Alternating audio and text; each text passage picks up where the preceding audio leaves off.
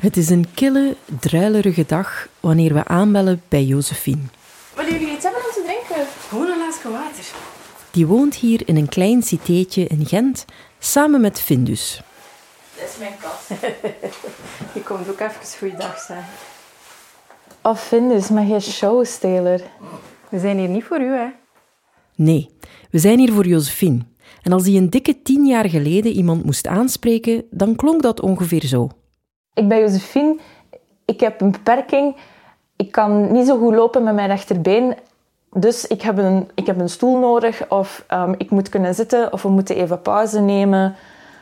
Dat zijn vier zinnen die ehm, voor een stuk, zeker doorheen mijn jeugd, mijn identiteit als persoon met een beperking zijn geweest. En ik heb heel veel mentale arbeid moeten doen over mijn identiteit als persoon met een beperking, waardoor ik die zinnen ook niet meer nodig heb. Ik gebruik die nu niet meer, ehm, omdat ik ook op een heel andere manier naar mijn eigen beperking ben beginnen te kijken. Dit is Op het Kruispunt, een podcast over LGBTI mensen met een handicap en de vaak onverwachte raakvlakken daartussen. Maar nog veel meer een podcast met portretten van interessante mensen met mooie verhalen. En deze keer is dat Josephine. We hebben het over de zin of onzin van labels en activisme in een binaire maatschappij. Josephine is kunstenaar, kunsthistoricus en schrijver en werd 28 jaar geleden geboren met fibulaire hemimilie. Maar die term mag je wat hun betreft meteen weer vergeten. Ik heb fibulaire hemimilie. Zo het enige dat je daarop kunt antwoorden is gezondheid. Eh, Allee, ehm, wat is de relevantie van labels? Het heeft geen zin om voor mij met labels te werken, want mensen gaan ze niet snappen. Het label op zich zegt niks omdat het niet Nee, gekend is. nee, hè. voilà. Ja. Eigenlijk komt het er wat op neer, of moet je het wel zien als ik heb anderhalf been. Ik mis een teen aan mijn rechteronderbeen, dus ik heb maar negen tenen in totaal. Ik heb wel een scheenbeen, maar geen kuitbeen. Dus ik heb maar één bot in dat rechteronderbeen, waar je er normaal twee hebt. En in het kniegewricht heb je normaal gezien twee paar kruisbanden en ik heb maar één paar kruisbanden. Dus ik ben opgegroeid met ongelooflijk veel operaties, met beenverlengingen. Ehm, ik heb een geschiedenis van eh, weken in het ziekenhuis te zitten, met heel veel pijn, met heel veel operaties. Mijn been staat van onderen tot boven helemaal vol met littekens. Dat eh, moet dan ongetwijfeld gezorgd hebben voor een serieus hobbelig parcours op school. Ja, omdat ik zoveel in het ziekenhuis heb moeten liggen en door revalidatie, et cetera, et cetera, heb ik heel veel school gemist. Ik heb mijn tweede kleuter, derde kleuter, vierde leerjaar en een heel groot deel van mijn tweede middelbaar gewoon niet gedaan en overgeslaan. Dat heeft ervoor gezorgd dat heel mijn, mijn, mijn middelbare school was altijd met de hakken over de sloot. En dan werd er tegen mij gezegd, word jij maar gelijk je ouders, leerkracht. Word maar leerkracht. Hou het daar maar bij. Hou het daar maar Mik bij. niet te hoog. Mik niet te hoog, ja. Doe, doe, neem niet te veel risico. Bij wijze van spreken het idee dat je er bijna enkel en alleen bent om ervoor gezorgd te worden. En het idee dat uiteindelijk vaak zo... Ja, het idee dat je een deur opentrekt en dat, dat iedereen denkt... Oeh, er is net precies een probleem binnengewandeld. Ik denk dat een van de ergste dingen dat je kunt doen, is eigenlijk niets verwachten van iemand. En dat is iets dat ik enorm gevoeld heb. Er werd niets van mij verwacht als persoon met een beperking. En ik had zoiets van, nee, ik wil meer. Ik wil meer. Ik wil dingen doen. Ehm, en, en bij gevolg ben ik gewoon dingen gaan doen. En heb ik drie masterdiploma's. En uiteindelijk is, is dat het setje aan diploma's die voor een heel groot stuk mijn identiteit nu ook geworden is. En dat past heel goed. En daar zit iets heel psychologisch ook in. Van zo, haha, ik heb nu iedereen kunnen bewijzen dat niemand gelijk had. Ehm, maar dat is niet de hoofdreden waarom ik dat gedaan heb. Maar die gedachte komt uiteraard wel in je op. Van zo, ja, iedereen had het fout, ja. Tuurlijk. Natuurlijk wist ik het beter.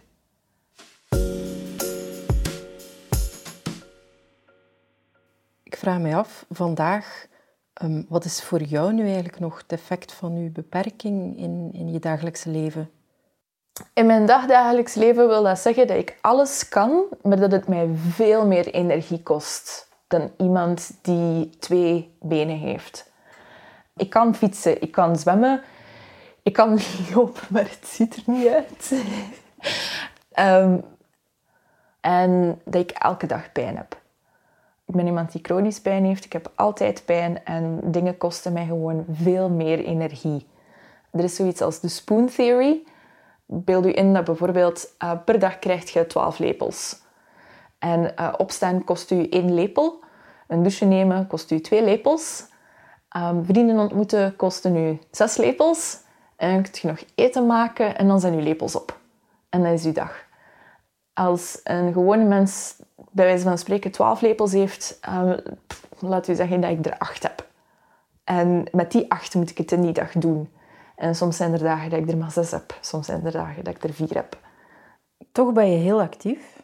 Ja. Je bent van, al, van alles bezig. Ja. Professioneel als activistisch. Ja, dom hè. Dat is eigenlijk echt met keihard in de prak rijden. Hè? Ja.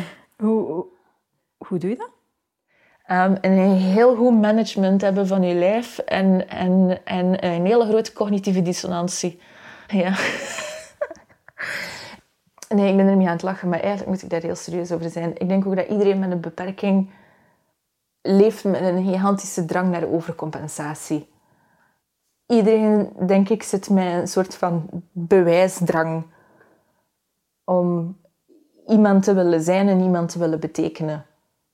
Als je zit en leeft in een maatschappij waar dat je eigenlijk jezelf niet ziet, um, waar je jezelf niet hoort, dan, dan, dan gaat je het maar zelf moeten doen. En dan, dan wilt je ergens dat pad voor jezelf maken. En ik denk dat um, er een heel duale relatie altijd zit tussen mensen met een beperking en hun lichaam. Ik denk dat wij op een bepaalde manier extreem goed ons lichaam kunnen voelen. Um, en heel goed kunnen weten wanneer iets niet juist zit en, en waar iets fout loopt en, en wat er aan de hand is. En tegelijkertijd zo out of touch met iets kunnen zijn dat we gigantisch over onze grenzen kunnen gaan zonder dat we dat doorhebben. Dus er zijn momenten dat ik heel goed kan voelen wat dat er in mijn lijf aan het gebeuren is. Dat ik weet van, oké, dit is aan de hand, dit is dat, ik heb dit nodig, ik heb die pijnstiller nodig, ik heb dat pilletje nodig. Ik moet mijn magnesium weer nemen. En dan zijn er momenten dat ik gewoon drie dagen aan een stuk keihard kan gaan en kan denken, nee hoor, alles is oké. En dan een week ziek in mijn bed kan liggen. En ik denk dat iedereen die dualiteit, en zeker als het gaat over een fysieke beperking, maar ik denk zeker ook mensen die neurodivergent zijn, die dualiteit enorm gaan herkennen. Um, en ik denk dat dat iets heel eigen is aan een beperking of aan leven met een beperkt lijf. Dat je enorm altijd dat gesprek precies hebt met je lichaam. Van zo, oké, okay, goed, wat gaan we doen? Um, het is bijna een onderhandeling met jezelf. Ja, dat is een onderhandeling met jezelf. En soms wint jij en soms wint je lijf. En het is niet leuk als je lijf wint. Nee, want dat is echt vloeken en boos zijn. En ik denk dat ook heel veel queer mensen die frustratie met hun lichaam gaan herkennen. Maar dat ze die kennen onder de naam genderdysforie. Mm -hmm. Maar ik denk dat dat dezelfde frustratie voor een heel groot stuk is. Ja, je identificeert jezelf als queer. Heeft je parcours doorheen je jeugd, doorheen je schooltijd, heeft dat er dan ook voor gezorgd dat je ging twijfelen of ja, misschien eerder experimenteren met je gender? Het experimenteren met wat dat voor mij vrouw zijn betekende, is voor mij enorm begonnen met ook die ervaring van het heel veel kunnen niet zijn van een bepaald soort vrouwelijkheid. Het niet kunnen zijn van die vrouw met lange benen en het niet kunnen zijn van die uh, vrouw die een heel elegant loopje heeft. Want zo, ja, ik waggel. En zeker als ik pijn heb, want als ik pijn heb, dan waggel ik niet alleen, maar dan mank ik ook echt. En um, ik kan nooit dat soort vrouw zijn die um, heel volgzaam en meningloos kan zijn en die geen trauma heeft. Want zo, er is veel te veel gebeurd in mijn leven om zo passief daarin mee te gaan. Dat, dat, dat gaat niet. En, en het besef hebben dat dat het gewoon niet gaat worden. Ja, je zegt dat je daar echt mee geconfronteerd werd. Heb je een voorbeeld van iets waaraan dat je bijvoorbeeld door je beperking ontzegd werd? Um, iets dat voor mij nog altijd heel veel verdriet opwekt, is, is schoenen. En heel het ritueel rond schoenen kopen. Ik heb een jeugd gehad waarbij dat ik nooit schoenen heb kunnen kopen. Ik ben opgegroeid met orthopedische schoenen. Um, orthopedische schoenen zijn geen sexy schoenen. um, ondanks het feit dat, en echt all credit to die man, um, want die heeft zich uitgesloofd. Um, ik, ik had een orthopedische schoenmaker die hemel en aarde voor mij verzet heeft om, om zijn uiterste best te doen om, om die heel zware, lompe orthopedische schoenen er zo esthetisch mogelijk te doen uitzien. Hè. Echt waar. Maar de realiteit is dat, dat, geen, allee, dat zijn geen rode Louboutins. Die, dat gaan ze ook nooit niet zijn. Um, dat zijn hele dikke, lelijke, lompe orthopedische schoenen die ook bakken geld kosten. Mm. Um, die de overheid ook um, veel te weinig terugbetaalt. Dus ik ben als vrouw gesocialiseerd in deze maatschappij en geleerd over wat dat het is om meisje en vrouw te zijn, met het idee dat ik één paar schoenen had per jaar. En dat was het. En ik moest daar goed voor zorgen. Dat waren mijn paar schoenen. En dan was dat zo uh, het modekleur. En dan, oké, goed, dit jaar zijn het blauwe schoenen. En dan het jaar daarna waren het groene schoenen. En dat was de weinige vrijheid die ik had toen als meisje. En dat was mijn schoenkast. En daarmee ben ik opgegroeid. Ik heb ook één keer het geluk gehad dat ik K3-schoenen had. En, en, en mijn, mijn orthopedische schoenmaker er echt letterlijk een K en een 3 op heeft gestikt. Um, omdat ik dat echt heel, heel, heel, heel, heel graag wou als meisje vroeger. Maar dat zijn mijn ervaringen als, als kind en als jonge tiener, als, als jonge meisjestiener met schoenen. En dan als tiener en je lijf dat verandert en, en er komen operaties bij en plotseling verandert mijn been en komt de opportuniteit er om mogelijk gewone schoenen te dragen. En heel het ritueel van naar een schoenwinkel te gaan was mij wereldvreemd. Um, ik, ik wist letterlijk niet hoe dat moest doen dat is nog altijd een heel grote confrontatie voor mij tot op de dag van vandaag. Ik heb dat nooit geleerd. En ik kan ook nog altijd tot op de dag van vandaag heel veel schoenen niet dragen. En elke keer dat ik een schoenwinkel binnenstap, zie ik hoe heel de wereld schoenen maakt die niet voor mij gemaakt zijn. En op een of andere manier zit daar heel veel pijn en, en voel ik de pijn van die orthopedische schoenen en, van die jeugd die daarin zit. En zie ik al die schoenen die ik niet kan dragen. En ik zie al die affiches van die hele lange, slanke benen en die gigantisch hoge hakken en die netkousen en die jartellen en, en, en die symbolen van vrouwelijkheid en van vruchtbaarheid en van een babymachine te zijn en kinderen te baren. En ik kijk daarna en ik denk, ik ga dat nooit zijn. Ik ga dat nooit zijn. En, en dat, is, dat is echt een verdriet dat ik met mij meedraag. En dat is iets heel specifiek, hè. En wil dat daarvoor zeggen dat we alle schoenwinkels moeten afschaffen? Ja, nee, dat gaat niet, hè. gaan we niet doen, hè. Maar, um, maar dat is hoe trauma werkt daar is ook geen oplossing voor. Dat gaat ook niet. Dat is gewoon iets dat ik moet meedragen. Mhm. Ehm, en dat is oké. Het enige dat je dan kunt doen is gewoon ja, neerzetten en is heel goed janken.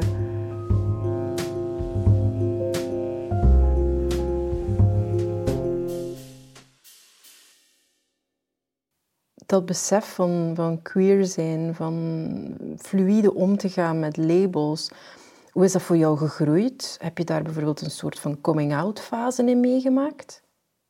Um, ik heb geen klassieke opvoeding gehad als vrouw, want ik heb een opvoeding gehad als iemand ook met een beperking. Dus je komt in een soort van kluwe terecht waarbij je al die paradigma's met elkaar aan het vergelijken bent. En ik denk dat er ergens... Dat is zeker niet op een bepaalde ochtend gebeurd hoor dat ik zo eens ergens een ochtend opstond en dacht, vandaag gooien we alles in de vuilbak. Maar ergens doorheen de tijd is er ergens een besef gekomen van dat er voor mij meer vrijheid zat in die discours echt los te laten. En dat in een bepaalde fluiditeit te houden. En dat daar veel meer comfort voor mij in zat dan in een verhaal te komen van labeling en identificatie in heel rigide labels te kunnen zetten van ik ben een vrouw, ik heb een beperking, ik heb dit, ik heb dat. En het is die speelsheid daarin die, die voor mij heel veel vrijheid heeft gegeven. Die mij heel kind heeft kunnen doen maken. En heel fijn is geweest. Um, en dat mij heel veel plezier opnieuw heeft gegeven. En vandaar dat je die geëikte zinnetjes overboord kunt gooien. Hè? Ja, tuurlijk. Ja, ja, er gaat een hele nieuwe wereld openen dan. Ja, want je kunt elke ochtend een andere zin gebruiken dan. Mhm. En dat is tof. Mhm.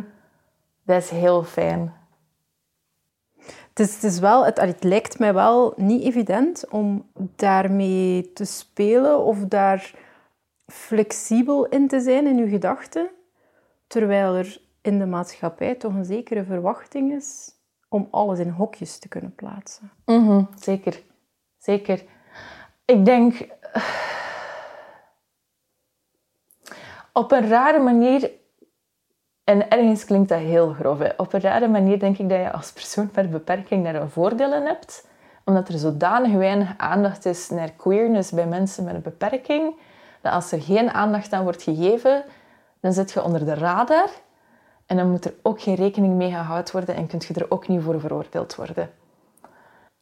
Er zit een soort van um, idee dat mensen maar één hokje kunnen hebben ik denk dat bij mij nog altijd het hokje van handicap hetgene is dat nog altijd het meeste naar, naar voren geschoven wordt. Waardoor dat de rest eigenlijk onder de radar kan blijven. Dus ik moet heel vaak niet uit de kast komen, omdat ze het gewoon niet zien. En dat is zowel heel spijtig, maar ergens biedt dat ook een bepaald voordeel. Zijn mensen die jou al, al kennen soms nog verrast als ze dat queer aspect van jouw persoon leren kennen? Um, ik denk dat mensen nog altijd heel verrast zijn over het feit dat ik binders draag. Zeker omdat ik voor heel veel mensen nog altijd heel vrouwelijk kan overkomen, of nog altijd heel vrouwelijk gepercipieerd wordt, beter gezegd. Um, dat het voor hen in die redenering nog altijd heel raar is dat ik iemand ben die breastbinders draagt. Um, want dat is iets voor transmannen. Um, terwijl ik zoiets heb, nee, dat is absoluut niet waar. Je draagt dat wanneer je dat leuk vindt. Um, en er zijn dagen dat ik, dat ik zin heb in borsten en dagen dat ik daar geen zin in heb.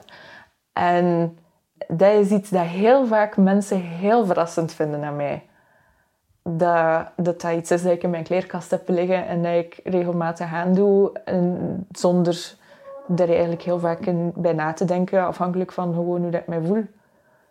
Het ligt, hoor ik, ergens ook aan het feit dat ze binders ook in een hokje hebben gestoken. Ja, ja, ja, ik denk dat het niet echt specifiek met mij te maken heeft, maar mhm. inderdaad met het idee dat binders is iets ter voorbereiding van top surgery. Mhm. Dat, zo, daar zit dat.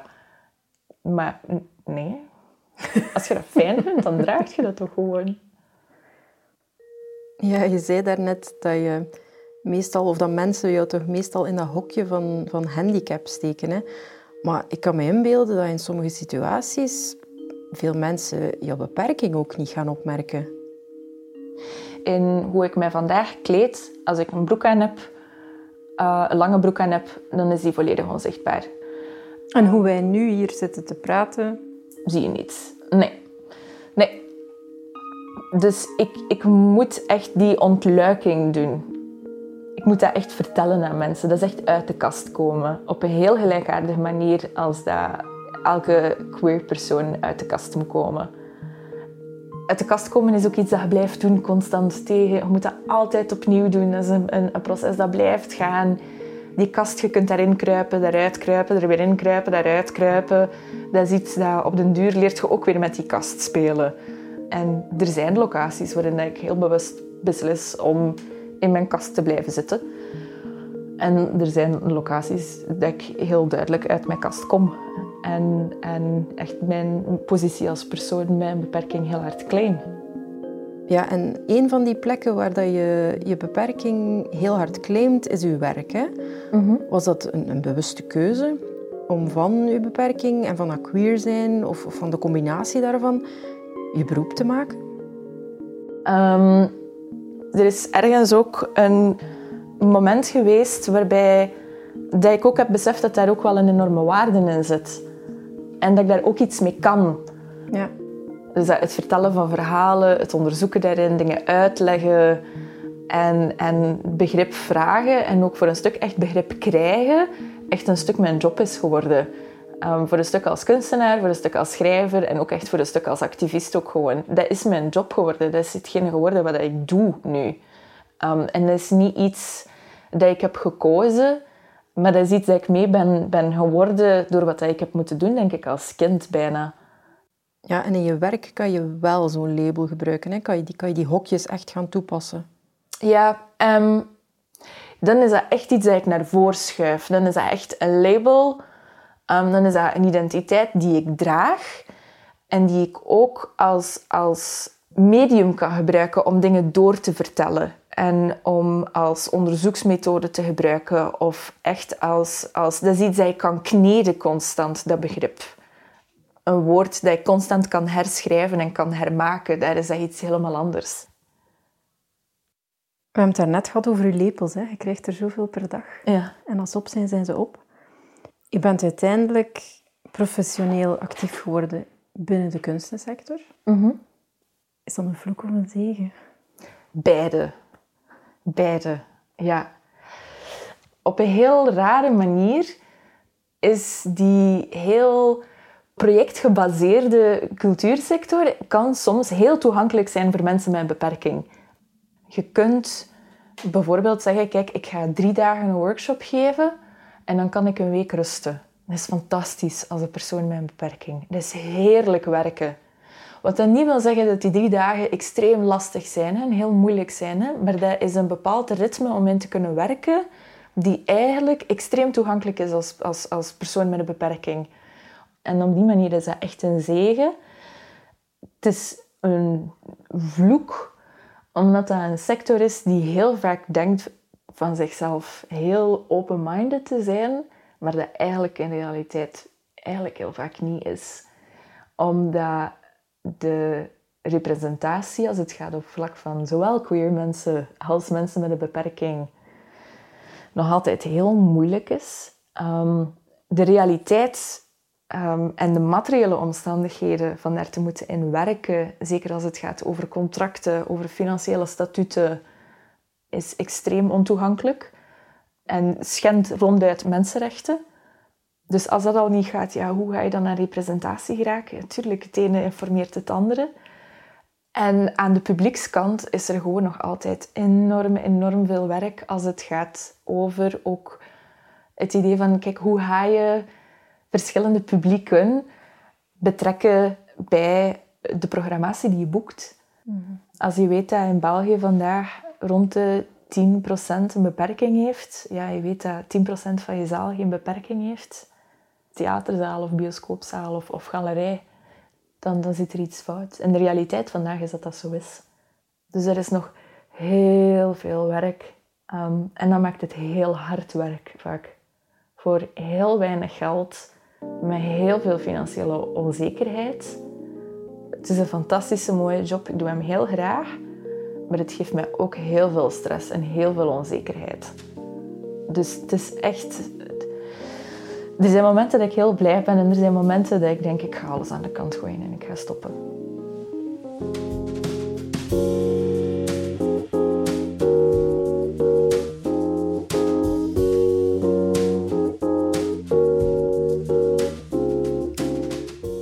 vandaag uh, bewust gekozen om, om af te spreken op Internationale Vrouwendag.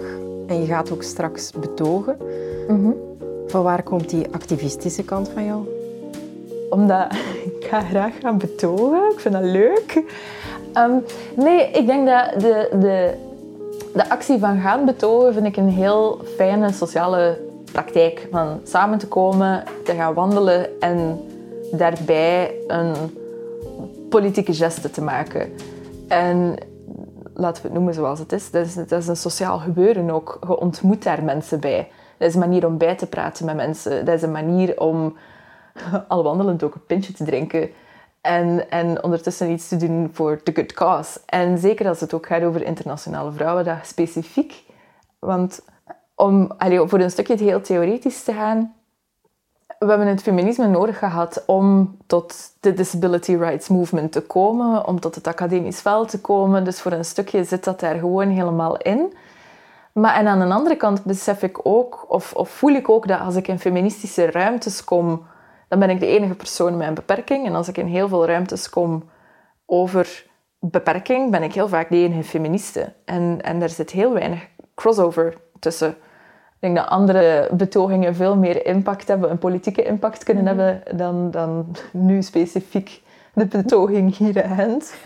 Um, maar ik denk dat zeker deze betoging echt wel de impact heeft om te tonen van zo, we zijn er en noden zijn wel degelijk nog belangrijk. Um, Want op straat komen over dingen is belangrijk. Ik denk dat we dat de dag van vandaag nog veel te weinig doen. En ik droom van een wereld waarin dat we op straat zouden komen voor mensen met een handicap. Ik droom van een revolutie op dat vlak. Dus uh, ja, we zullen beginnen bij de vrouwen. Hè. Dus dan gaan we daar naartoe en dan uh, zullen we wel zien waar dat wij eindigen. Weet jij hoe laat dat is? Het is nu bijna tien voor zes. Uh, wel, ik ga mijn uh, fiets zetten waar ik met mijn vrienden heb afgesproken. Um, ik ga zien of ze daar staan en anders ga ik me gewoon uh, in de groep begeven. En dan zien we wel. Ik ga jullie, ik ga jullie moeten vragen om aan te sluiten bij de blokken die in midden staan. Omdat we over een kleine 10 minuten of 5 minuten gaan vertrekken. Alright. Komen wij terug naar hier, Martijn? Ja, we, gaan, we doen een tour en we komen terug hier. Oké. Okay.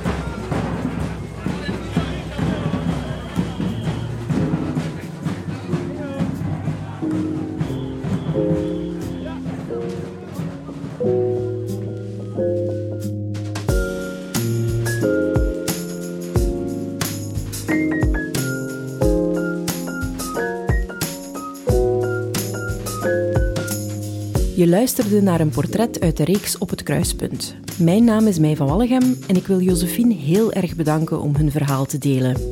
Op het Kruispunt is een productie van Playbird in opdracht van Savaria en met de steun van het Fonds De Warmste Week.